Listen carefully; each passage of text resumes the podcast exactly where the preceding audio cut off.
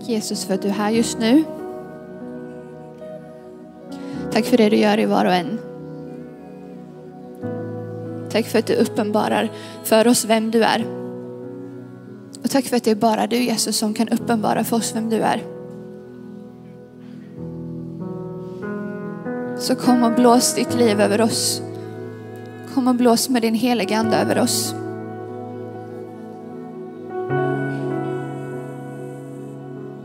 Kommer uppenbara ännu djupare vem du är.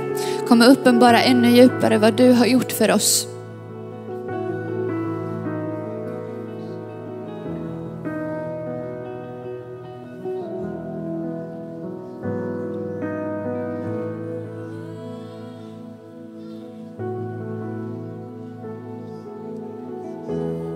Tack Jesus för det offer som du har gett. Tack för att det innebär att vi kan få leva i frid och frihet idag och i evigheten. Tack för att du har övervunnit döden. Tack för att din kärlek har övervunnit allt. Tack för att du har besegrat mörkrets makter och tack för att du har gett oss evigt liv. Tack för att vi kan få leva med dig varje dag.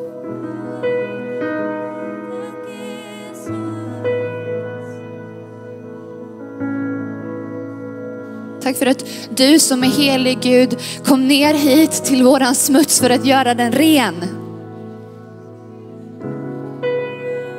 Och tack för att det finns kraft i dig. Att får, när vi får tala ut namnet Jesus så händer det någonting.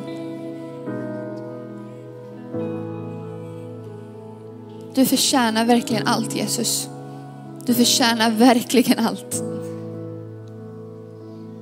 Hjälp oss att förstå det. Och så ber jag också för den här stunden nu av att få undervisa ditt ord. Jag ber att dina ord skulle få talas genom mig idag. Och jag ber också att eh, du ännu djupare skulle uppenbara för var och en vem du är. Jag ber att vi nu skulle få sätta oss ner i din frid och i din heliga andes kraft. Att du skulle fortsätta vaka över oss och vara med din närvaro över oss. I Jesu Kristi namn.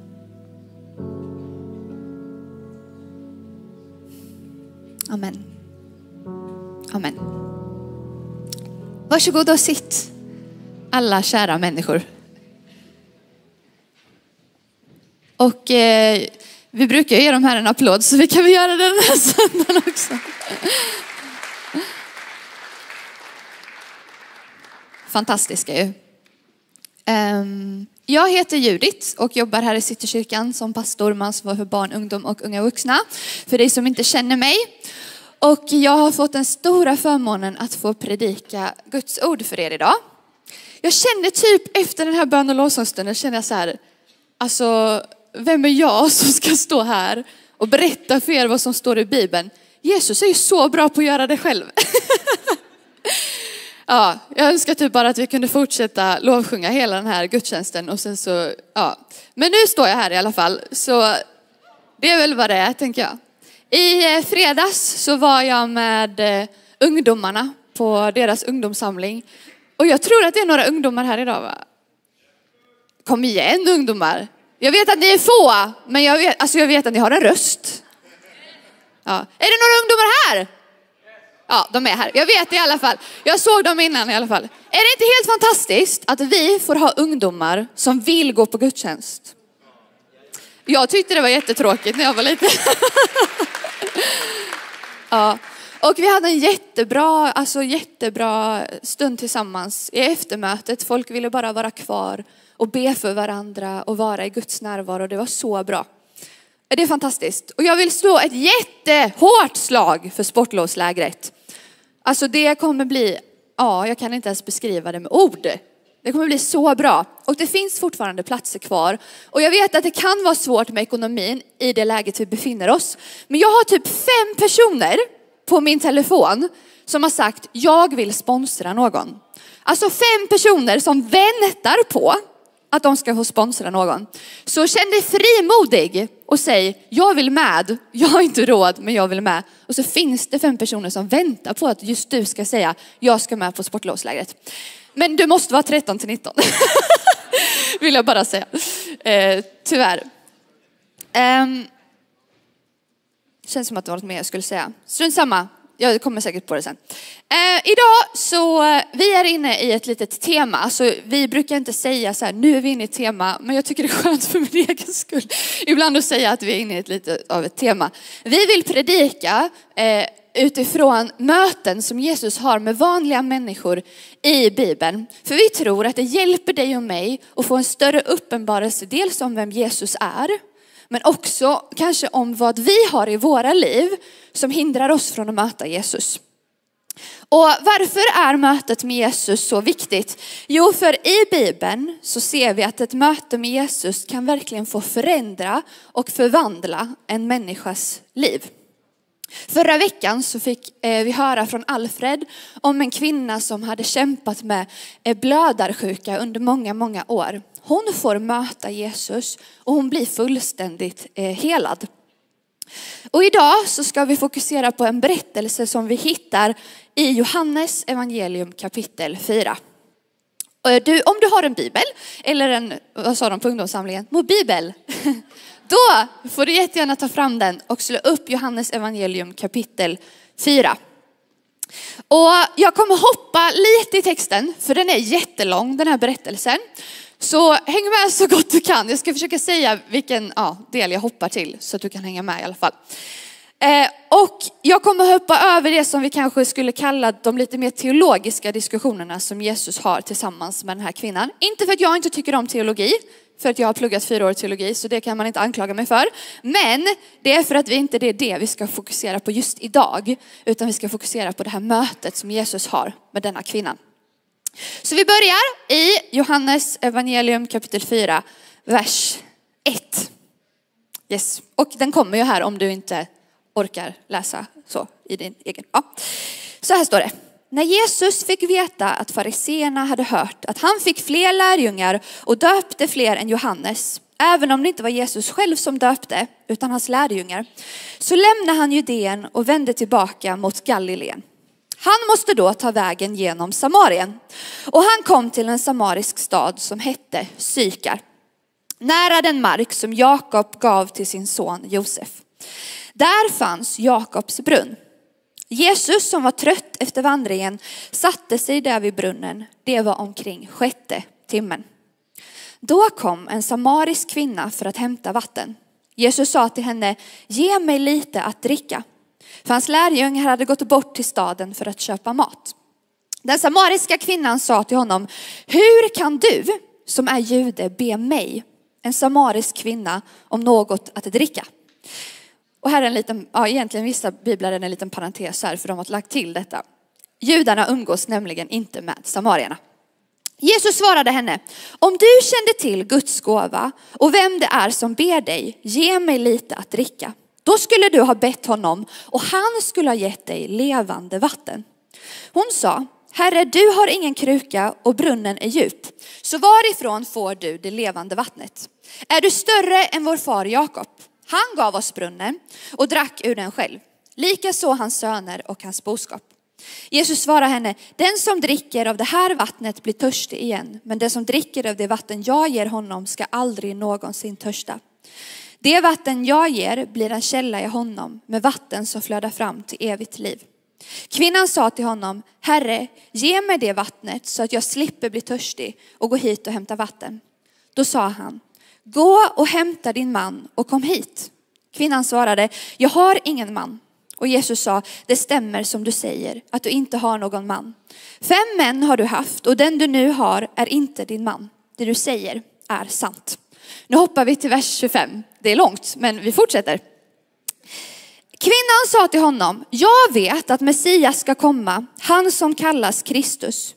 När han kommer så ska han berätta allt för oss. Jesus sa till henne, det är jag, den som talar med dig. Just då kom hans lärjungar. De blev förvånade över att han talade med en kvinna, men ingen frågade vad han ville henne eller varför han talade med henne.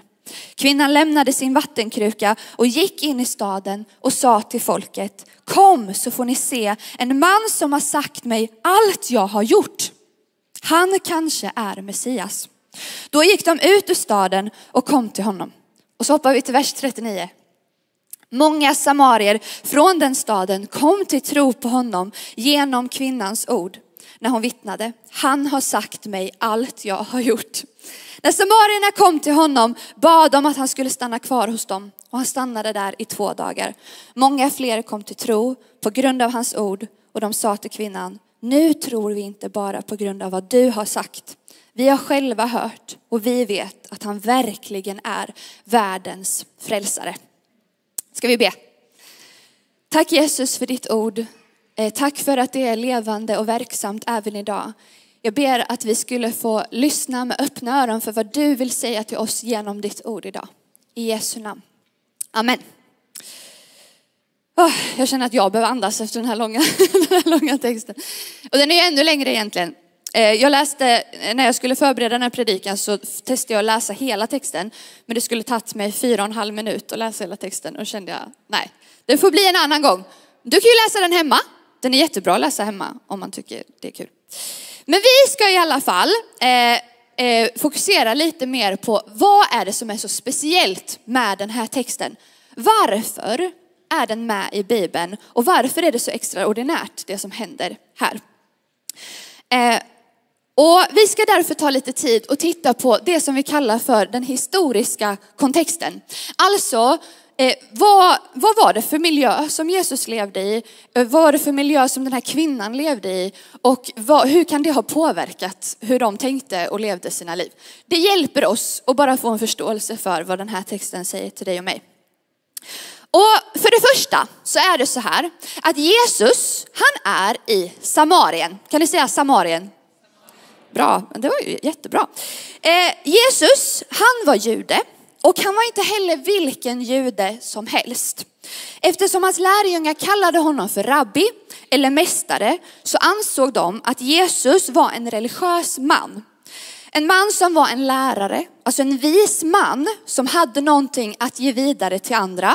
Han var en förebild, någon som man ville följa och en högt ansedd person. Och enligt den judiska religiösa lagen så ansågs Samarien och samarier att vara orena. Det finns dokumentation att de kunde sprida orenhet genom vad de satt på, låg på, red på, men också vad deras kroppsvätskor rörde vid. Och ännu värre var det för en samarisk kvinna. Samariska kvinnor, precis som hedningar, ansågs vara i ett ständigt tillstånd av rituell orenhet. Alltså alltid, alltså ständigt, all, alltid. Och då är det kanske inte så konstigt att hon blir förvånad när Jesus ber henne om någonting att dricka. Visste inte Jesus, som var jude, att till och med hennes kruka som hon hade hållit i var oren? Och vi kanske inte riktigt förstår detta heller, om vi inte heller förstår konsekvenserna av orenhet. Alltså varför var det någonting man ville undvika som en judisk religiös person? Eh, jo men så här, delvis var det så här att orenhet kunde föras över från en person till en annan, men också från en sak till någonting annat. Och om någonting var orent och jag rörde vid det som var orent så blev jag också oren. Och eh, när jag blev oren då, så blev det väldigt krångligt för mig i mitt liv. Antingen så behövde jag gå och göra en massa rituella bad och doppa mig och hålla på och greja och tvätta mig och sånt här. Eh, men ännu värre så kanske jag behövde gå och offra djur och hålla på och betala för det och gå till en person som sen off, ja, offrade ett djur Alltså jag tycker det är så konstigt att prata om att offra djur, men det är ju typ halva bibeln höll jag på att säga. Men offra djur och så eh, skulle spillas blod och skvättas lite blod hit och dit och fram och tillbaka. Och alltså, det var inte som att så här, typ under covid, att om någon hostade lite eller jag råkade röra mig någonting och så kunde jag bara gå och tvätta händerna lite och så var det klart. Det var mycket mer komplicerat än så. Och dessutom så har vi en hel bok i Bibeln, alltså Leviticus, vad heter det på svenska? Tredje. Då har vi tredje Mosebok. Det är en hel bok som bara handlar om vad som är orent och vad man ska göra om man råkar röra vid någonting eller ja, komma i kontakt med någonting som är orent. 27 kapitel som bara handlar om det. Men dessutom så var det också en judes religiösa övertygelse att den som är oren också är skild från Gud på ett eller annat sätt. Det var ihopkopplat med synd. Och det var någonting som man aktivt skulle undvika. För att leva heligt, alltså utan synd, att vara avskild för Gud, det var önskvärt. Kanske till och med faktiskt målet på något sätt. Så det var inte bara att det blev krångligt och jobbigt för mig, utan det hade också en inre liksom, påverkan. Jag blev skild från Gud. Det vill man väl inte vara? inte jag i alla fall. Alltså allt det här skapar ju en otrolig främlingskap och utanförskap för den som var oren. Tänk bara oss, alltså vi under corona.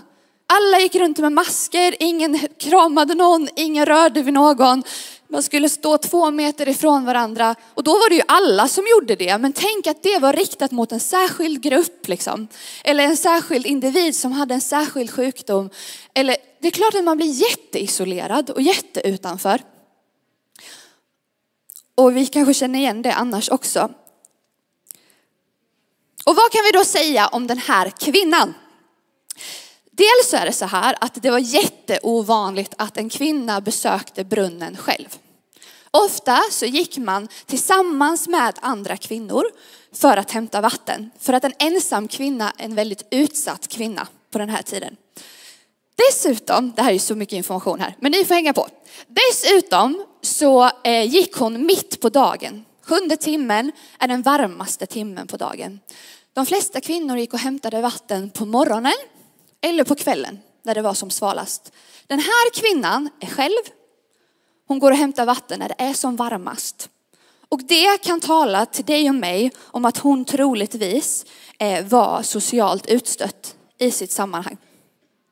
Och troligtvis är det på grund av det som Jesus sen uppenbarar om i hennes liv. Ehm, hennes livsstil hade fått ett väldigt dåligt rykte och kvinnorna i hennes by ville troligtvis inte ha med henne att göra. Eller så orkade hon bara inte med alla konstiga blickar och alla som dömde henne när hon gick förbi. Så då valde hon att gå själv och vara utsatt istället. Okej, här kommer sista faktapunkten, är ni med? Dessutom så ska inte, eller skulle inte judiska religiösa män tala själv med en kvinna. No, no, no. Och definitivt skulle man inte diskutera Toran eller den religiösa lagen eller engagera sig i teologiska diskussioner med en kvinna. Och att en man var själv med en kvinna vid en brunn där man vanligtvis brukade mötas som man och kvinna för att liksom, oj jag är lite intresserad av dig, förstår ni den grejen? Och att Jesus då satt själv med en kvinna vid en brunn kan inte ha gett honom ett särskilt gott rykte. Alltså hade han ett rykte som han ansåg var viktigt så skulle han aldrig ha satt sig själv med den här kvinnan vid den här brunnen. Vad blir då summeringen av allt det här som jag nu har gått igenom? Jo men alla dessa saker skapar ju en otrolig distans mellan den samariska kvinnan och Jesus. Om Jesus hade hållit sig till sin religiösa tradition hade det gjort att det varit omöjligt för den samariska kvinnan att få ett möte med Jesus. Alltså det hade varit omöjligt. Jesus hade inte ens gått dit. Liksom. Och ändå så är det ju precis det som händer, eller hur? Jesus bryr sig inte i den här texten om sin religiösa eller sin sociala status. Han bryr sig inte om att se bra ut i andras ögon eller ha något rykte liksom. Han brydde sig faktiskt bara om att möta en annan människa. Och Gud i form av Jesus visar oss här en försmak på det som ska komma sen att han hade en annan plan än lagar, regler och offerriter för att människan skulle kunna få vara nära Gud igen. Han skulle komma att offra sitt eget liv för att vi alla skulle kunna få leva tillsammans med honom. Alltså Jesus, han kliver över alla barriärer. Förstår ni då? Den här kvinnan är här borta och så finns det liksom, ni hörde ju själv hur länge jag pratade om alla de här grejerna. Det finns hur många barriärer som helst som står i vägen för den här kvinnan att få ett möte med den levande guden. Och Jesus bara, hej, eller han sa inte ens hej, men eh, ni förstår, han bryr sig inte. Han kliver över och visar på att han är kapabel att kliva över varenda barriär. För att hon skulle få ett mötande med den levande guden var viktigare än alla de här barriärerna som han samtidigt hade satt upp mot henne. Och varför är det så viktigt för oss att förstå hur stort det här egentligen är? Alltså vi har fortfarande i vårt samhälle väldigt lång väg att gå när det kommer till jämlikhet och behandlandet av varandra som eh, lika mycket värda. Eh, så det är ju en grej av det. Men för flera av oss så kanske vi ändå har fattat, alltså detta, vi har fattat att vi får möta Jesus. Eller vi kanske fattar att vi liksom har, alltså vi har möjligheten att tillåta honom att möta oss. Men ändå så kanske det är så att det är du och jag som sätter upp barriärer i våra liv. Det kanske inte är så att det är massor med, alltså vi har kanske hört det hela våra liv, jag har i alla fall hört det hela mitt liv. Jesus älskar dig, han vill möta dig, han vill vara med dig och alla, alla, alla, sådär. Alltså ni vet sådär. Men ändå, fast jag vet det där, så sätter jag ständigt upp barriärer i mitt liv som hindrar mig från att möta Jesus. Alltså det kanske inte är så längre att det är Jesus eller den här religiösa lagen som sätter upp de här barriärerna. Utan det kanske snarare är du och jag som gör det. Barriärer i form av att vi inte förtjänar, inte borde få, inte kan, kanske inte är tillräckligt kristna, inte kommer från rätt familj, inte har tillräckligt med kunskap, inte är bra nog, har för mycket skit i våra liv, mår för dåligt, bär på saker, bär på skam som gör att vi gömmer oss och så vidare. Men där du och jag förstår att Jesus var och är villig att kliva över alla barriärer så gäller det verkligen alla barriärer. Alltså det är så lätt att höra det, men ändå så tänker man i sitt lilla huvud, nej men den där grejen kan han inte kliva över. Nej men den där grejen, det där, alltså där, där går gränsen i alla fall. Men alltså du vet inte vad som har hänt i mitt liv, du har ingen aning om vad jag har gjort. Han kan inte kliva över de där barriärerna. Det kanske händer här uppe, även om vi hör liksom, att han kan kliva över alla barriärer. Det gäller alltså alla barriärer. Den här kvinnan skulle enligt de religiösa reglerna inte fått ett möte med Jesus. Men Jesus bryr sig inte om barriärerna som du eller jag har satt upp. Alltså han har eliminerat dem. De är helt borta. De finns inte. All synd har han tagit på sig. All skam har han tagit på sig. All skuld. Det skiljer oss inte längre från honom. När du och jag sätter upp religiösa barriärer så kliver Jesus rakt över dem. Och detta sker om och om igen i hela evangeliet. Och när vår tid blir mer och mer främlingsfientliga så behöver vi påminna oss om att Jesus aldrig brydde sig om att någon var annorlunda från en själv. Han hade ett viktigare perspektiv i åtanke och det var att människor skulle få möta den levande guden få förlåtelse, få kärlek, få frid här och få liv här och nu, men också i evighet. När de religiösa ledarna på Jesu tid ställde sig framför honom och sa, varför gör du alla de här sakerna? Och var ganska irriterade på honom. Då svarar Jesus så här i Lukas 5, 30-32. De frågar så här, fariséerna frågar så här, varför äter och dricker ni med tullindrivare och syndare? Och Jesus svarar, det är inte de friska som behöver läkare utan de sjuka. Jag har inte kommit för att kalla de rättfärdiga till omvändelse utan syndarna. Han kom aldrig för de som var perfekta. Han kom för dig och mig som är operfekt. Alltså helig och mäktig Gud kom ner till oss här på jorden för din och min skull. Och vissa av oss kanske känner så här nu att jag har hört det här förut. Så kan jag i alla fall känna i mitt liv. Men även om vi inte alla har levt rövare i våra liv så tror jag ändå att det kan finnas barriärer som vi sätter upp. Kanske för att vi har blivit sårade eller kanske för att vi har blivit eh, matade med teologi som skapat prestation. Kanske för att vi har varit med om saker i livet som vi inte kunde rå för men som ändå hände och som har skadat oss. Och det behöver ju inte alltid vara vårt fel att barriärerna finns där. Men vi kan ändå välja att låta Jesus kliva över de här barriärerna. Du och jag kan tillåta honom att göra det. Men varför är det då så viktigt att få ett möte med Jesus? Det är min nästa punkt. Vad gör, oj, vad gör ett möte med Jesus med dig och mig? Och vad blir din och min respons på det?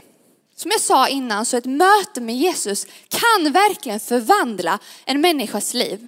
Jag har fått möta Jesus och jag har fått bli förvandlad av Jesus. Och jag tror det är flera här inne som skulle säga ja och amen på att jag har också fått möta Jesus och jag har fått bli förvandlad av honom.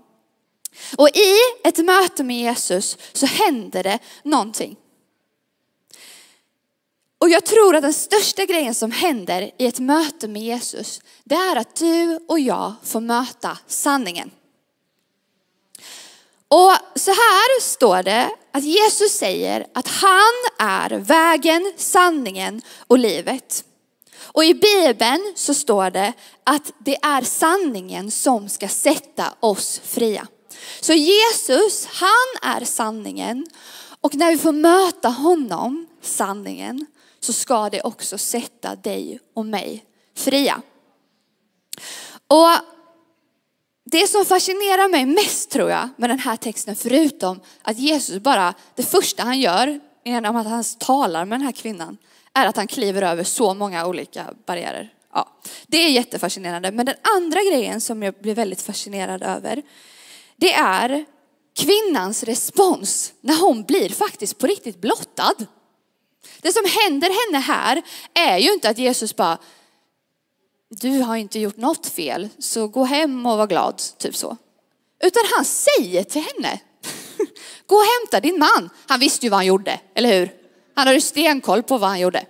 Gå och hämta din man, säger han. Hon bara, hehe, eh, ja, så. Eh, ja. Och så, jag har ingen man, försöker hon. Hon försöker vara lite listig så här. Hon ljuger ju inte, eller hur? Men hon försöker vara lite listig så. Och, eh, och så säger Jesus till henne, nej, det, det du säger är sant. Fem män har du haft och ingen av dem är din man. Alltså om någon hade gått fram till mig och sagt så till mig och blottat mig på det sättet. Det är inte som att jag bara hade, åh Jesus, eller alltså förstår, eller förstår ni? Alltså sprungit, jag hade inte sprungit tillbaka och bara, åh kom och se, alltså, en man som har berättat allt jag har gjort fel. Eller? Hade du gjort det? Nej, jag tänkte väl, och ja, jag hade tyckt det var jobbigt i alla fall om någon hade sagt så till mig. Men om vi alla kan vara överens om att det där är ganska så jobbigt att bli blottad. Så kan jag också bara, du vet så här bara, okej okay, men då måste det ha varit något speciellt med Jesus. Det kan inte bara ha varit att han gick och sa till folk vad de gjorde för fel och alla gick runt med skuld och skam och så kände de sig tvungna att gå till sin by och säga kom och börja se någon som har sagt allt vad jag har gjort för fel. Liksom. Så, det är ju inte det som händer. Och Jesus kan i ett möte med honom påminna oss om våran synd, alltså det som vi gör, som vi inte mår bra av eller som andra inte mår bra av. Och han gör det ju inte för att peka finger. Ingen annan var där när han mötte den samariska kvinnan. Alltså gjorde han det inte för att peka finger. Han gjorde det inte för att visa sig smart. Han gjorde det för att han ville visa för henne vem han var. Alltså det som är så fantastiskt i den här texten det är att han uppenbarar för henne sanningen också om vem han är om vi läser de här teologiska texterna, det kan ni göra när ni kommer, så är det också att hon försöker förstå så här, men vem är du egentligen? Och Jesus diskuterar det med henne. Någon som han inte diskuterar teologi med. Han diskuterar det med henne så att hon sakta men säkert börjar förstå att vänta lite här nu. Kan han vara Messias? Men det är när hon får möta sanningen om honom men också om sig själv som hon på riktigt förstår, oj, det är något speciellt med den här mannen. Att bli blottad är inte särskilt härligt. Oftast blir vår respons den som också Eva och Adam hade i Edens lustgård. De, Jesus sa, varför är ni nakna? De springer och gömmer sig. Det är oftast vår naturliga respons när Jesus uppenbarar någonting jobbigt i våra liv. Man springer ju och gömmer sig. Men den här kvinnan, hon tar inte ens med sin kruka och lägger den, för hon är så ivrig. Och springer rakt in i den gemenskapen som har, som har liksom stöttat, alltså stött bort henne. Och springer rakt in bland de människorna som dömer henne, som tittar snett på henne, som gör att hon känner sig tvungen att gå och hämta vatten när det är som varmast helt själv. De människorna springer hon till. Alltså någonting måste ju ha hänt när hon mötte Jesus. Någonting måste ha hänt. Hon måste ha känt sig fri. Alltså hon måste ha känt att hon blev fylld av kärlek, förlåtelse. Hon var van vid dömande blickar. Hon visste precis hur de såg ut. Hon, förstår ni? Men i mötet med Jesus så händer någonting annat. Istället för att isolera sig så springer hon rakt in i gemenskapen igen. Det blir liksom en omvändelsegrej. Rakt in i gemenskapen igen. För hon säger ju till och med, kom och se, här är en man som har berättat för mig allt vad jag har gjort. Det var hennes vittnesbörd. Det var vad hon sprang in till sitt samhälle och sa. Det här är en man som har berättat för mig allt vad jag har gjort. Det hade jag nog aldrig gjort. ja. Och det blir väldigt inspirerande för mig. Att när Jesus uppenbarar någonting i mitt liv, jag ska inte gå runt och berätta det för alla, men det är också ett vittnesbörd. Att han satte mig fri från det där som jag har kämpat med i så många år. Det är också ett vittnesbörd. Och de här människorna kommer till Jesus för de har förstått att är någon, det måste ha hänt någonting med den här kvinnan. De springer till Jesus allihopa och så säger de till slut, han måste verkligen ha varit världens frälsare. Och hur fint är inte det? Att Gud, eller Jesus, sen också använder den här kvinnan för att så många människor i hennes by ska få ta emot Jesus. Den kvinnan som har gjort så mycket fel och som i mångas ögon också var fel. Kvinnan som undvek sin by. Hon blev sen använd för att flera i hennes by skulle få möta Jesus. Det var inte Jesus som sprang in i staden och kom och se en kvinna som har gjort massa fel. Det var hon som sprang in i staden och sa, kom och se Kom och se, ni måste komma och se. Jesus, han måste vara världens frälsare. Och kanske blir detta ett vittnesbörd för dig och mig. Att vi inte behöver vara så rädda för att möta Jesu blick. Att möta hans sanning för oss. Kanske är det till och med så att Jesus inte vill uppenbara sanningen för dig för att peka finger och döma ut dig utan för att han älskar dig och vill se dig blomstra i det här livet också. Kanske gör han det inte för att straffa dig, utan för att sätta dig fri. Mötet med Jesus förvandlar oss, det leder till omvändelse och det sätter oss fria. Men är du villig att möta honom? Vågar du ta modet till dig och möta honom idag? Att låta honom lysa med sin sanning in i ditt liv. Låt honom få älska dig, upprätta dig, hela dina sår. leda dig ut i mer frihet. Alltså det är dags, tänker jag. Jesus är ju här. Och han vill visa dig vem han är. Och när vi förstår vem han är på riktigt, då kommer vi inte vara rädda för honom längre. Vi kommer inte springa när saker blottas ifrån honom. Vi kommer springa raka vägen till honom. För vi förstår vem han är, vi förstår vad han är kapabel till att göra. Vi förstår att han är här för att han vill sätta oss fria. Och det är någonting som vi kan utgå ifrån i mötet med Jesus. Eh, Lovsångsteamet kan komma upp och så ska vi snart be. Jag tänker att det finns olika saker i den här texten. Jag vet inte vad du sätter upp för barriärer i ditt liv. Men Jesus är här för att han vill hjälpa dig att förstå att han inte bryr sig om de där barriärerna. Han har förlåtit dig. Han älskar dig och hans eviga liv är tillgängligt för dig. Och det är tillgängligt för dig idag. Och kanske så är det så att du ska säga ditt ja till honom idag. Kanske är det för första gången, eller så behöver du bara göra det igen. Jag säger ja till dig igen, och jag säger ja till dig igen, och jag säger ja till dig igen, och jag säger ja till dig igen, och jag säger ja till dig igen. Och för varje ja som vi säger till Jesus så kommer vi också förstå att oj, den där barriären var ju visst borta. Och sen så säger vi ja igen och så förstår vi igen att oj, men den där barriären var ju också borta. Och så går vi ett steg närmare och så bara, nej men oj, den där barriären var ju också borta. Förstår ni? Varje gång vi säger ja till Jesus så får vi förstå att det finns ju ingenting som hindrar oss längre från att möta honom. Alltså egentligen, även om de ser superverkliga ut för oss, så egentligen så är han så här nära.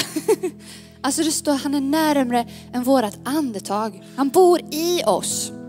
Det finns inget längre som hindrar hans kärlek från att nå ditt hjärta. Det är, alltså han är här. Han bor här. Och om du känner så här att men jag behöver säga ja till honom igen. Jag behöver för förstå att det här är sant för mig i mitt liv. Eller jag behöver bara, du vet så här, jag behöver bara att hans ljus ska få lysa in i mitt liv. Jag behöver förstå att han inte gör det för att han vill straffa mig utan för att han älskar mig. Han vill befria mig idag, han vill upprätta mig idag.